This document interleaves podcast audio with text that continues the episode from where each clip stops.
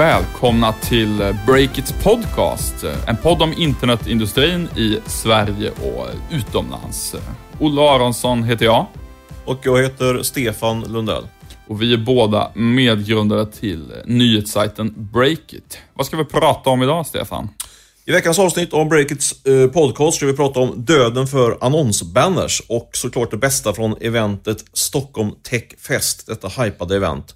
Eh, men först Olle, du kom ju inrusande här nästan i poddstudion direkt från ett besök på Resolution Games kontor, kontor här i Stockholm på Sveavägen tror jag de håller till, nära Handelshögskolan. Vad, vad gjorde du där? Eh, jag har testat den senaste VR-tekniken för första gången. Vad är det för något, VR-teknik?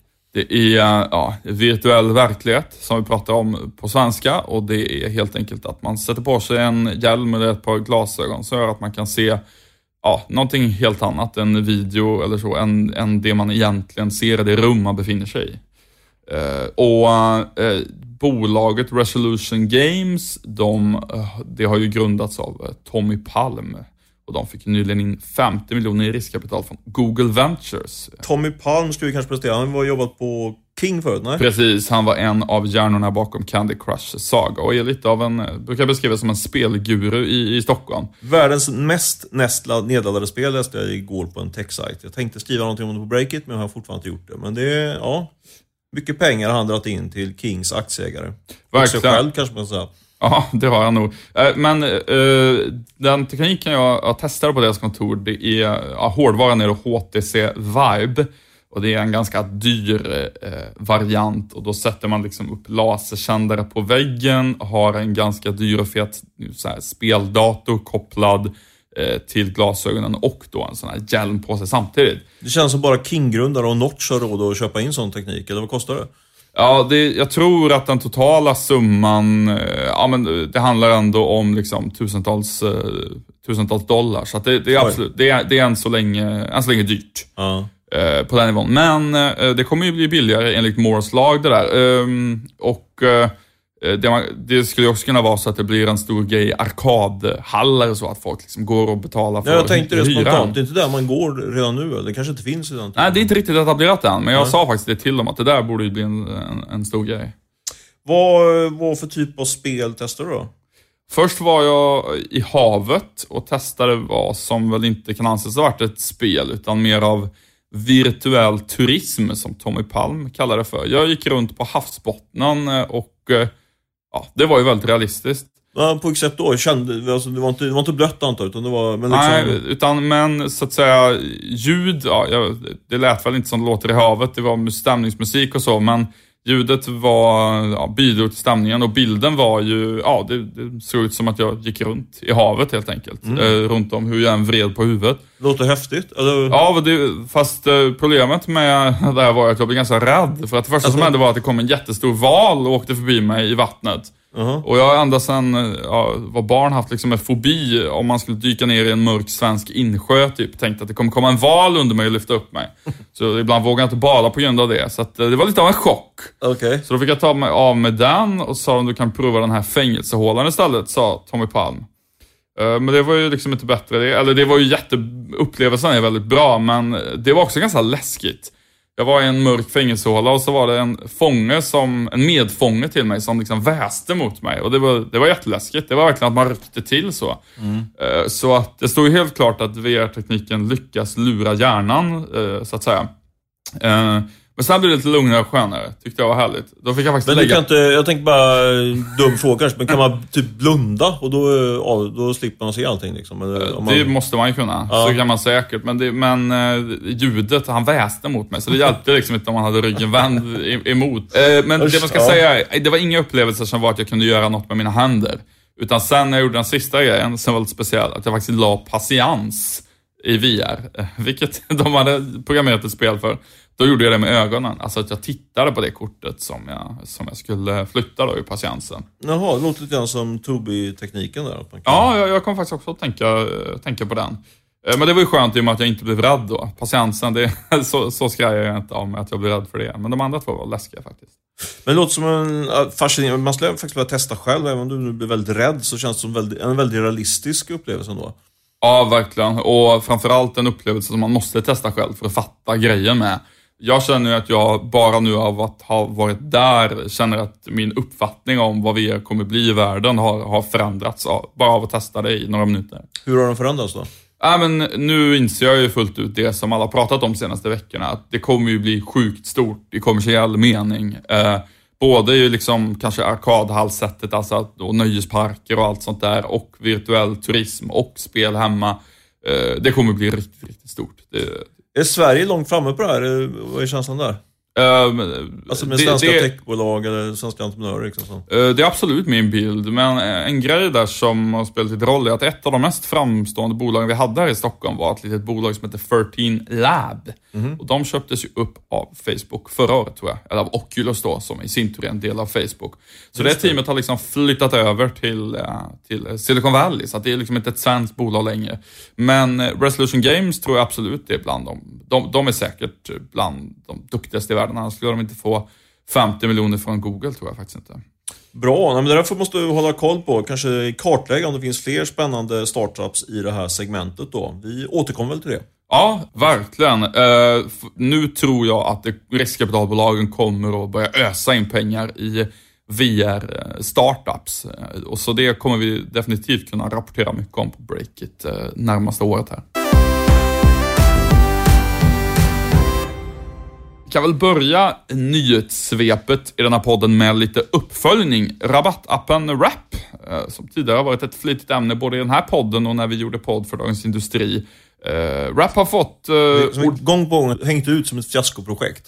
Precis, men sen har vi ju faktiskt skrivit att deras, eller jag har skrivit åtminstone, att deras nya produkt är betydligt mer lovande än den förra. Och det ser nu ut att det var fler som tycker det. De börjar få ordentlig medvind, Wrap. Eh, vi var ju först med att berätta om att de fick in pengar från H&M och Klarna. Vilket var lite av en bomb, får man ändå säga. Och Verkligen. nu har de även fått eh, Nordea, eh, som ju faktiskt är Europas femte största bank, störst i Norden. De har fått ett avtal med dem som kort innebär att man inte behöver handla med något speciellt Wrap-kreditkort för att liksom vara kopplad till appen, utan alla som har ett vanligt Nordea-betalkort kan koppla det till Wrap-appen. Men det, det var, men det var inte först på rapportera, det var faktiskt Dagens Industri, vår gamla arbetsgivare, som var där. Men vad, vad, som var först med den nyheten. Men vad innebär det där då, rent konkret för Wrap? Du som är något av en Wrap-expert där i, i Norden, kan man säga. Ja, det innebär ju helt kort att det blir typ eh, tio gånger enklare för dem att skaffa användare. När man Hur då? Kan, nej, men eftersom man kan använda sitt vanliga kort, handla med det och då syns de köpen i Wrap-appen där du får tillgång till dina rabatter. Det blir ju ett mycket större motstånd om du måste ha ett speciellt kreditkort och att det bara är när du handlar med det kreditkortet som dina köp registreras i Wrap-appen. Men du måste ändå på något sätt aktivera den här funktionen? Ja, du måste, precis. Du måste välja att äh, släppa in Wrap, så att säga, så att de får tillgång till information om vad du handlar. Mm. Men det är ett mycket mindre motstånd än att liksom skaffa ett särskilt kort håller jag helt med om, men eh, det finns ändå ett motstånd där får man säga. Så även om det är tio gånger enklare så är det inte så att det kommer rasa in eh, Nordea. Nej, absolut inte. Men om det hade varit att man inte ens behövde godkänna det, då hade det varit typ tusen gånger enklare. Alltså man får Just sätta det. det. i den proportionen så att säga. Eh, men ja, jag tror faktiskt att det kommer gå väldigt bra nu för Rap. Men mindre bra går det för Vint. Louise Fritjofsson, den svenska entreprenören, hon är ensam kvar att jobba med det. Så är det. Hon skrev ju en bloggpost om det här eh, i veckan eh, som var ganska så... Jag uppmanar folk att läsa den. Den var ju den var ganska så stark får man väl säga. Eh, hon har ju haft det tufft eh, med Vint. Vint var ju ett av de mest eh, hypade bolagen för något år sedan här i, i Stockholms eh, techvärld. Eh, och det var ju faktiskt så att investerarna mer eller mindre kastade pengar på på Louise och hennes medgrundare. Men nu är hon ju ensam kvar då, som du precis sa, eh, i bolaget och ska väl för, försöka sig på någon form av pivot eller bygga om affärsmodellen. Eh, det får vi se hur det går. Jag menar, Klarna har ju byggt om sin affärsmodell både en och två gånger. Eh, så, och nu... Eller Rap, för den delen. Ja, förlåt mig. Det var Rap jag syftade på. Eh, snurr i huvudet där. På... Klarna har också ändrat den, så att det var inte fel i sig. Nej, men jag tänkte mer på Rap. För där har, ju, har i alla fall jag halvt om halvt dömt ut. Men då, nu verkar du säga att de är på gång här. Så varför kan det kanske Louise lyckas med också? Vad vet jag? Eh, eh, det hoppas vi väl. Vi gillar ju entreprenörer här på, på Breakit. Och det hon säger nu, det är väl att hon istället för att ha en app som kopplar ihop folk som vill ha hjälp med träning med personliga tränare, så ska hon ha någon typ av bredare träningsapp. Så man har, har att göra med hela ens träning. Och hon söker också nya partners till det. Så det blir spännande att se om hon har fått några mail om det sen hon gick ut med sitt eh, blogginlägg. Ja, vi får se vad som händer där. Eh, bland de stora, tunga techbolagen i världen har ju annars den här veckan mycket kretsat kring annonser i mobilen. Eh, Olle, datera upp oss. Vad har hänt? Jo, eh, de riktigt stora techbolagen, de verkar vara beredda att ta koll på bannerannonser i eh, mobilen. Oh, dåliga nyheter för oss på breaket då kanske? Ja, eh, det får man säga, även om det, det verkar inte som att de ens längre vill ta koll på, på alla banners, alltså banners på, på desktop ska man säga. Men absolut, dåliga nyheter för typ breaket. halva inkomstkällan för breaket försvinner i ett, ett penndrag kanske. Men förklara, vad är det som har hänt? Du ska inte avbryta hela tiden. Vad, vad är det som har hänt i bannervärlden den sista veckan? Ja, enligt Wall Street Journal eh, så står det nu klart då att Apple kommer att tillåta eh, adblocker-appar. Alltså sådana som gör att eh, bannerannonser inte syns för den som vill ha bort dem.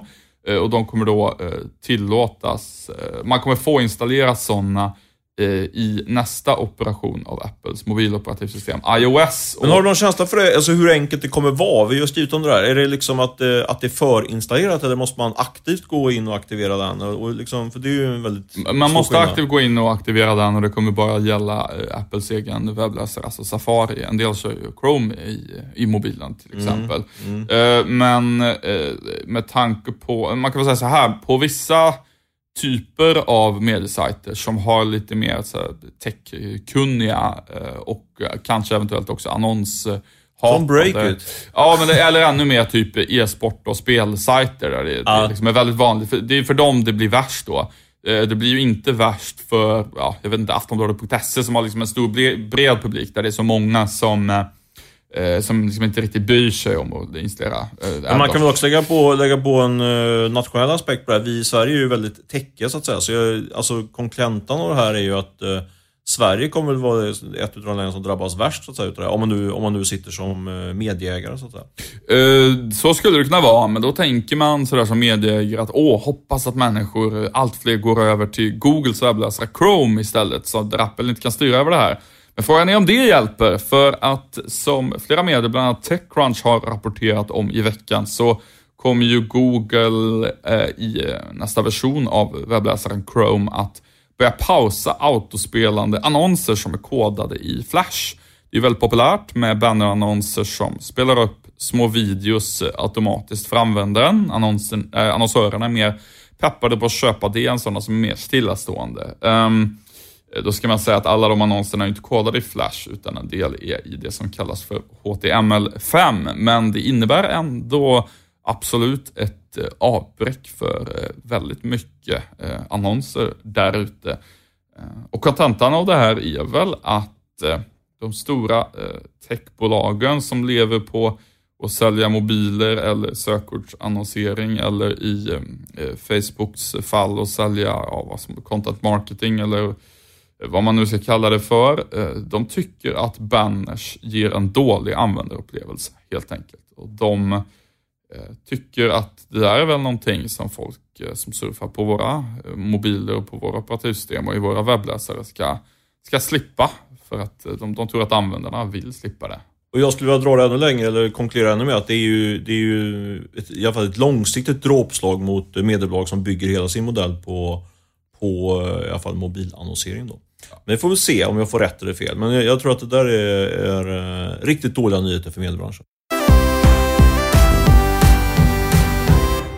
Miss Hosting är med oss som sponsor denna vecka och det var faktiskt så sent som för eh, en halvtimme sedan som vi kom överens om ett nytt avtal med Miss Hosting. De kommer fortsätta som sponsor av vår podd under hela hösten. Det är ju riktigt kul, eller vad säger du Olle? Ja, verkligen. Miss Hosting har ju varit extremt eh, lojala mot oss ända sedan starten och de är ju det bland annat för att de gillar att vara med och stötta små entreprenörsdrivna bolag, som Breakit. Ja, det har blivit något av, något av deras nisch kan man säga. Miss Hosting var såklart också på plats igår på Stockholm Techfest, som vi ska prata mer om sen. Eh, de var där och sålde in sina tjänster. För Miss Hosting är, skulle man kunna säga, en eh, slags fullservicebyrå för den som vill starta upp en egen sajt. Här köper du din domänadress, du kan ha din sajt på Miss Hostings webbhotell och du kan också få en egen server via Miss Hosting när du har växt till det lite grann. Bland mycket annat. Ja, och om ni vill kolla in deras erbjudande så kan ni till exempel gå in på breakit.se och eh, klicka på någon av eh, annonserna som de eh, kör på vår sajt. Vi tackar Miss Hosting för den här veckan. Den stora händelsen här i Sverige, inte bara för Stockholms del utan generellt sett i Sverige får man ändå säga, i vår bransch den här veckan, det var ju onsdagens Stockholm Techfest. Eh, det arrangerades för andra året i rad, eh, precis som i fjol av amerikanen Tyler Crowley. Stefan, vad tyckte du om eh, själva arrangemanget, om vi ska börja med det, och jämföra med hur det var förra året? Jag höll ju ställningen här lite grann på hemmaplan på redaktionen, så jag var inte med hela dagen. Eh, men jag gled in där på eftermiddagen och eh, min spontana eh, känsla var att förra året så var ju minglet det bästa. Alltså folk utanför själva konferenslokalen eller scenen, där fanns ju, var ju alla på plats.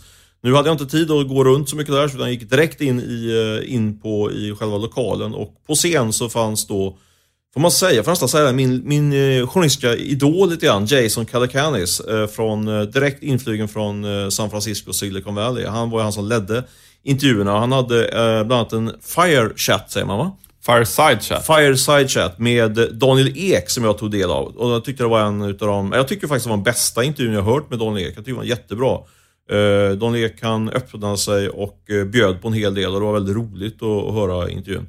Sen följdes det direkt upp utav en intervju med eh, Niklas Sennström som ju var faktiskt riktigt rolig. Det in, har jag aldrig märkt som journalist. Det beror väl på att jag är dålig på att få dem att öppna sig.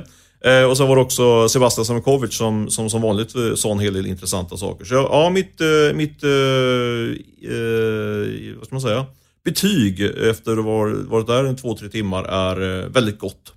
Jag tyckte också att Jason Calacanis var väldigt bra på scen. Jag var ju där hela dagen då, både i fjol och första året och det blev ett tydligt lyft. I fjol och första året? Ja, både i fjol och det här året. Ja, men det har bara varit två år. Ja. Precis. Um, Eh, och det man, det man kan säga är liksom att han var ju ett stort lyft för eventet. Att han var moderator istället för Tyler Crowley. Eh, och Jason Calacanis var väldigt duktig på sådär kritiska frågor. Det kanske behövs någon som flyger in utifrån och har liksom no strings attached med Stockholm Tech Community och som dessutom är så pass påläst som han är. Han pressade en hel del personer eh, ganska hårt. Kan, prata, kan prata lite mer om det sen, men vad gäller eh, arrangemanget så tyckte jag verkligen att det också kändes som ett lyft jämfört med, med förra året. Um, det var mycket bättre andel kvinnor, det var liksom uh, mer välorganiserat, det var liksom inget strul sådär, även om en del programpunkter drog ut lite på tiden och så. Så frågan är om det inte är dags att ta upp kampen med finländska Slush nästa år för att Uh, du har ju varit på Slush, visst är det så va? Ja, och det är ju mycket större, men det är ju mycket liksom... Men om man skiter om det större, alltså innehållsmässigt, vad gav det dig, om du jämför innehållet eh, här jämfört med Slush då? Ja, då skulle jag säga att Stockholm Techfest i år då var bättre mm. än fjolårets Slush. Och det är min värld är det viktigaste liksom. Mm. Det, sen kanske inramningen liksom skiljer sig. Men äh, jag måste säga verkligen hatten, alltså Tyler Crowley, det är verkligen hatten av för honom måste man säga det här eventet. Uh, det, det, är uh, imponerande liksom vilken vilken line-up han lyckas få till med vilka, vilka talare liksom. Så ja, och, och, verkligen, i fjol fick han mycket kritik för att det var för få kvinnliga talare bokade och så. Och det, den kritiken har han verkligen tagit till sig av. Nu var till exempel hela investerarpanelen bara kvinnliga investerare. Och Sonali Drycke från Excel var ju riktigt bra på scen. Liksom. Tung eh, riskkapitalist influgen från London till exempel. Vad tyckte du, om du ska säga något mer om vad som hände då på själva scen då? Jag, jag nämnde ju intervjuerna med Don Lek och Niklas Enström och Sebastian Sundkovert. Vad, vad tyckte du var bra? Jag tyckte det var rätt coolt att se eh, SCBs VD Annika Falkengren bli lite satt under attack av startupsen. Det var en ganska kul eh, liksom, scen hur hon satt i mitten med en massa startups runt om henne. Det kändes liksom så här sitter hoten och omgiver henne. Um, och... Men nu tänkte, jag kom in väldigt sent i den där eh, debatten, så jag, jag fick liksom aldrig någon riktig bild av det hela. Eh, ibland kan jag tycka det är töntigt eh, när liksom det, det, är ett event för, för de redan frälsta så att säga. Och då, då, då kan man få bilden av att, att hon kommer ut dåligt så att säga. Men om man tänker sig det mer ett, eh, ett, mer ett objektivt perspektiv. Hade, vem var liksom vinnare i den här debatten skulle du säga? Ja, det var väl Klarnas VD Sebastian Siemiatkowski. Det skulle jag säga. Ja. Och det som han sa, och det, det blev liksom vad ska man säga, det blev åsikten som, som vann rummet. Och, och det var lite förenklat att den vanliga sortens gamla banker som typ SEB är, de är ju lokala, regionala spelare som gör allt, alltså är fullservicebyrå. De hanterar fondplaceringar, du har ditt lönekonto hos dem, du har ditt bolån hos dem och så vidare och så vidare. Ja. Och Sebastian Siemiatkowski menar att i framtiden kommer det vara precis tvärtom. Att eh, framtidens eh, banker inom citattecken kommer att vara mycket mer nischade, alltså hantera bara betalningar. Eller bara fondplaceringar. Eller bara bolån. Men då kommer de istället vara globala. Så att istället för att vara vad man säga, geografiskt smal men produktmässigt bred så kommer man vara geografiskt bred men produktmässigt smal. Mm. Han menar liksom att det blir mer logiskt att man har en app för betalningar, en app för sparande liksom. Och då bryts bankupplevelsen isär och att det är liksom det stora hotet mot typ storbankerna. Jag ska inte gå in i detalj på det, men spontant känns det som att jag som kund gärna gillar att ha en fullservicebank. Men vi behöver inte gå in på det. Jag antar att eh, Sebastian har ett väldigt smart resonemang för, som kunde direkt skulle skjuta mitt, eh, mitt argument i sank. Jag tror att huvudargumentet där egentligen handlar om att eh, det är, om du är liksom en Mobile First-människa, antingen i typ för att det är i Afrika, där liksom de aldrig har kört datorer, eller för att du är en väldigt ung person, då är, det är plottrigt att ha för mycket grejer i samma app liksom i mobilen, helt mm. enkelt. Det är därför Facebook har blivit flera appar.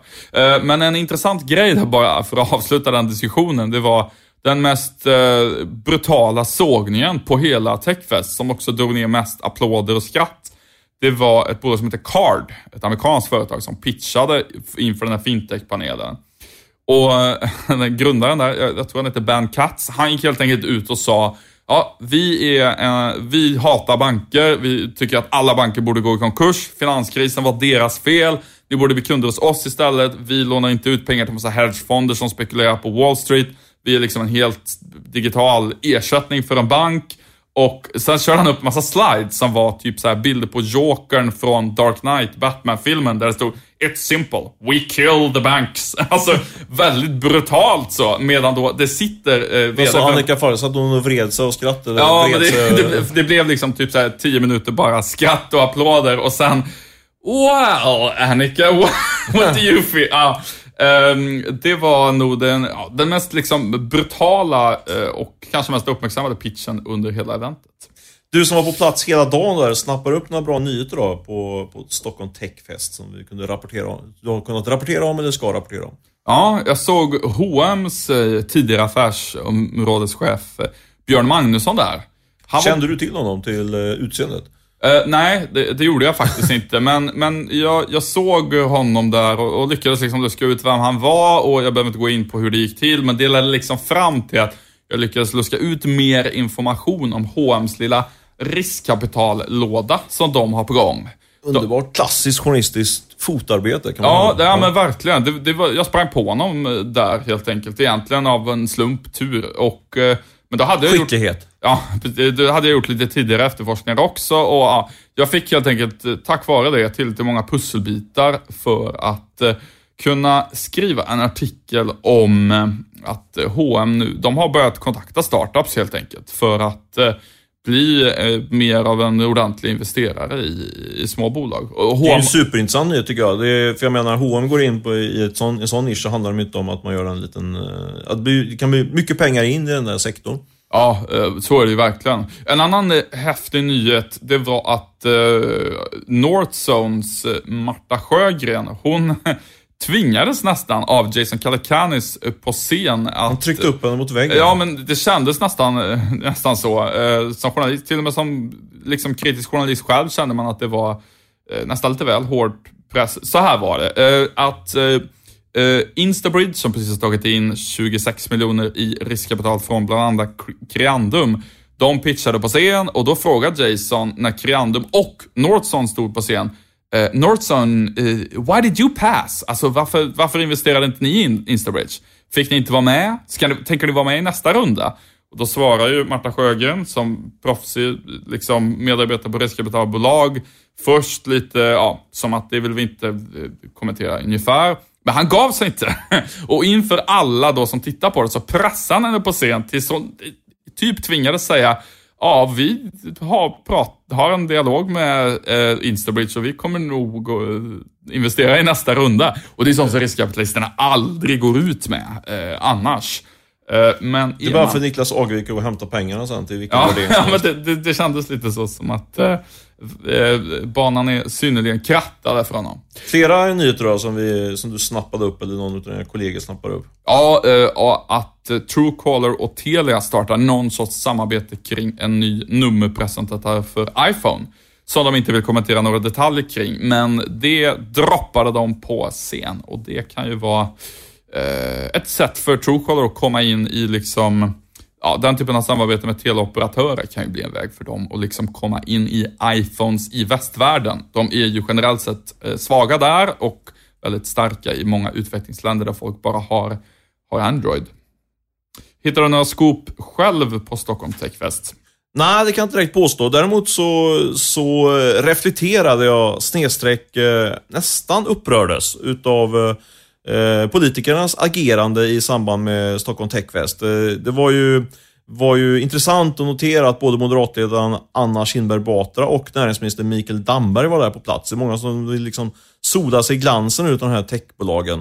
Eh, det är ju bra såklart att de är där, det är inga konstigheter. Men däremot så var det, det jag tyckte var lite nästan parodiskt var det utspelet som eh, Mikael Damberg gjorde i Dagens Industri samma dag eh, som techfesten drog igång eh, med rubriken En ny startup-politik. För det var ju i princip inget nytt i det där utspelet. Eh, förutom att man skulle dra igång någon form, man skulle ha någon kille eller tjej som skulle bli startup-ansvarig på näringsdepartementet. Det är en kvinna, kan jag bekräfta. En kvinna, där ser man. Ja, men det är ju bra. Det är positivt. Nej, men jag tyckte att det var, det var lite, eh, vad ska man säga, töntigt nästan. Att det var ju liksom inget konkret kring det där. Så det var verkligen Eh, någonting som eh, blåstes upp till, till eh, att vara något stort. Och det var ganska många som jag pratade med som sa att vad kul att, att regeringen och politikerna nu tar, tar oss på allvar och att de hakar på det här startup-manifestet som, vi, som de presenterade i somras, då, startup-communityn. Men läste man så att säga det finstilta så, så kokade det ner till en startup-ansvarig på näringsdepartementet. Det var det som Mikael Damberg kunde bjuda på. Men om du då säger att du är lite missnöjd och tycker att det är snack, Eh, mycket snack och lite verkstad. Vad hade du velat se då istället? Ja, men hade jag varit mycket Damberg, så nu är jag ju ingen politiker, tack och lov, men om jag, om vi, leker med tanken att jag skulle vara mycket Damberg, då skulle jag prestera ett hårt förslag i samband, från scen skulle jag prestera från Stockholm Techfest, där man eh, löser den här personaloptionsfrågan som alla eh, techentreprenörer som jag har kontakt med på någorlunda eh, daglig basis Eh, är väldigt upprörda av, inklusive jag själv faktiskt. Jag tycker att det är Eh, upprörd kanske är ett ord, men jag tycker att det, det gör någonting åt det. För nu, som det är nu så är det ju att man eh, tvingas beskatta eh, nyckelpersoner som ska få optionsprogram eh, uppåt 70% jämfört med något till exempel i USA som har 15 15 i beskattning på, eh, på personaloptioner. Det var väldigt intressant att se Jason Calacanis. Han var ju nästan chockad när han hörde eh, de här siffrorna. Han menar liksom, han är ju som han är, men han sa att det här är ju döden liksom för, för hela eh, ekosystemet i Sverige. Eh, det håller jag inte med om och det var, var gick ju folk i, i, i motangrepp mot Jason just på den punkten. Vi har ju mycket annat som är bra här i Sverige och det, de facto så skapas det ju många entreprenörsdrivna bolag. Men eh, som kort svar på frågan. Jag hade presterat en, ett, eh, ett hårt förslag på hur personaloptionsbeskattningen kan förändras, men det, det fick vi inte. Nej, och jag tycker väl att det är rimligt på sätt och vis att vi inte fick det. Eh, det är ju någonting som både vi på Breakit och många andra små eh, företag upplever som, som, som jobbigt. Att eh, liksom, optionsbeskattningen ser ut som den gör, men i det här fallet så handlar det ju någonstans om att regeringen har tillsatt en utredning. Det tycker jag man ska göra innan man ändrar lagar. Den ska liksom ta den tid den tar och den demokratiska processen Måste ha sin gång. Ja, men den är inte lika snabb som beslutsfattande inom näringslivet. Och, eh, Nej, men grejen, min poäng är väl att det här skulle gjorts för fem år sedan. Det är ju inte så, det är ingen ny fråga. Så det är väl eh, det, är väl det som, eh, så, vad heter hon, Kinberg Batra som sa, att, som också hävdade liksom att det som Damberg presenterade var inget nytt. Då, det kan ju slå tillbaka på henne. Varför löste hon inte det här med personaloptionerna tidigare? Visst var det så då Anders Borg var ute och snackade om det här typ två veckor efter att han slutat som finansminister. Då pekade han på, på problemet med det här. Då kan man tycka, varför gjorde du ingenting när det var, när det var ett problem? Nej, Har jag rätt om det? Jag Ja, precis. osäker. Jo, men det, Ja. stäm, det stämmer. Eh, Så är det. Och man kan väl säga någonstans att eh, jag, jag håller med, det borde gjorts för fem år sedan. Däremot så tycker jag inte att man kan kräva att han liksom från höften skulle sagt så här, så här kommer det bli på Stockholm Techfest. Jag tycker man ska invänta utredningen och liksom sen Skönt, vi är oense. Göra, jag- jag göra, hävdar- göra den gamla, tråkiga, men åtminstone liksom demokratiskt legitima Ja, men, det, men bara för protokollet. Jag menar ju inte att man ska frångå någon demokratisk process här, men jag tror ju att man kan lösa det lite fortare. För det är ju inget, det är inget nytt problem där. Men du, Olle, vi kommer inte överens om det här, men eh, så tyckte jag i alla fall. Eh, något annat vi ska nämna här innan vi rundar av podden? Ja, vi kan ju kort nämna att vi har gjort vårt första förvärv. Och många kommande. Eh, vi har Vi köpt, köper oss till tillväxt. precis, eh, eh, icke-organisk tillväxt. Breakit förvärvsmaskinen. Ja. Exakt. Vi, vi har köpt sajten Swedish Startup Space och vi kommer att börja skriva mer på engelska. Koden och allting är överfört till oss nu. Eh, så om ni har några engelskspråkiga vänner som vill ha mer av eh, technyheter så får ni gärna eh, tipsa dem om att vi ökar tempot där nu. Det ska vi absolut göra, med, betoning på öka tempot. Vi har får väl erkänna haft lite tekniska problem här första, första timmarna utav, utav vårt ägarskap utav Swedish Startup Space. Men eh, du Olle jobbar ju frenetiskt med att lösa det och det kommer... Det är bara timmar innan det kommer att finnas en lösning. Det är faktiskt löst nu, jag har inte sagt Ja, det till dig underbart! Det ser ni. I realtid får jag reda på det här. Det är alltid väldigt transparent här på Breakit. Mm, och vi ska väl säga kort det att eh, vi tycker ju att eh, grundarna till Swedish Startup Space, eh, James Pamber, Anders Hassis och eh, Per och Einar som också var med och startade det. De har gjort ett, eh, ja de gjorde ett grymt bra jobb i förhållande till hur det var då när de drog igång. Alltså det fanns ingen som skrev om svenska techbolag. Verkligen. Snacka och ta saken i egen hand och inte bara sitta och klaga. Utan de, de tyckte att det saknas något av det här och då drog de igång själva trots att de egentligen inte hade någon journalistisk erfarenhet. Så jag tycker det, det är eh, strångt jobbat och väldigt, väldigt kul att föra det, säga, arvet vidare som vi nu ska göra. Mm, vi plockar upp den stafettpinnen. Eh, en annan stafettpinne är produktionen av den här podden. Den ska vi nu lämna vidare till Daniel som klipper det här, för inspelningen är det dags att runda av. Klassisk radioövergång. Bra jobbat. Synd att du bröt den där, jag tyckte det var så snyggt. Eh, vi tackar Beppo ljudproduktion som klippte och spelade in det här.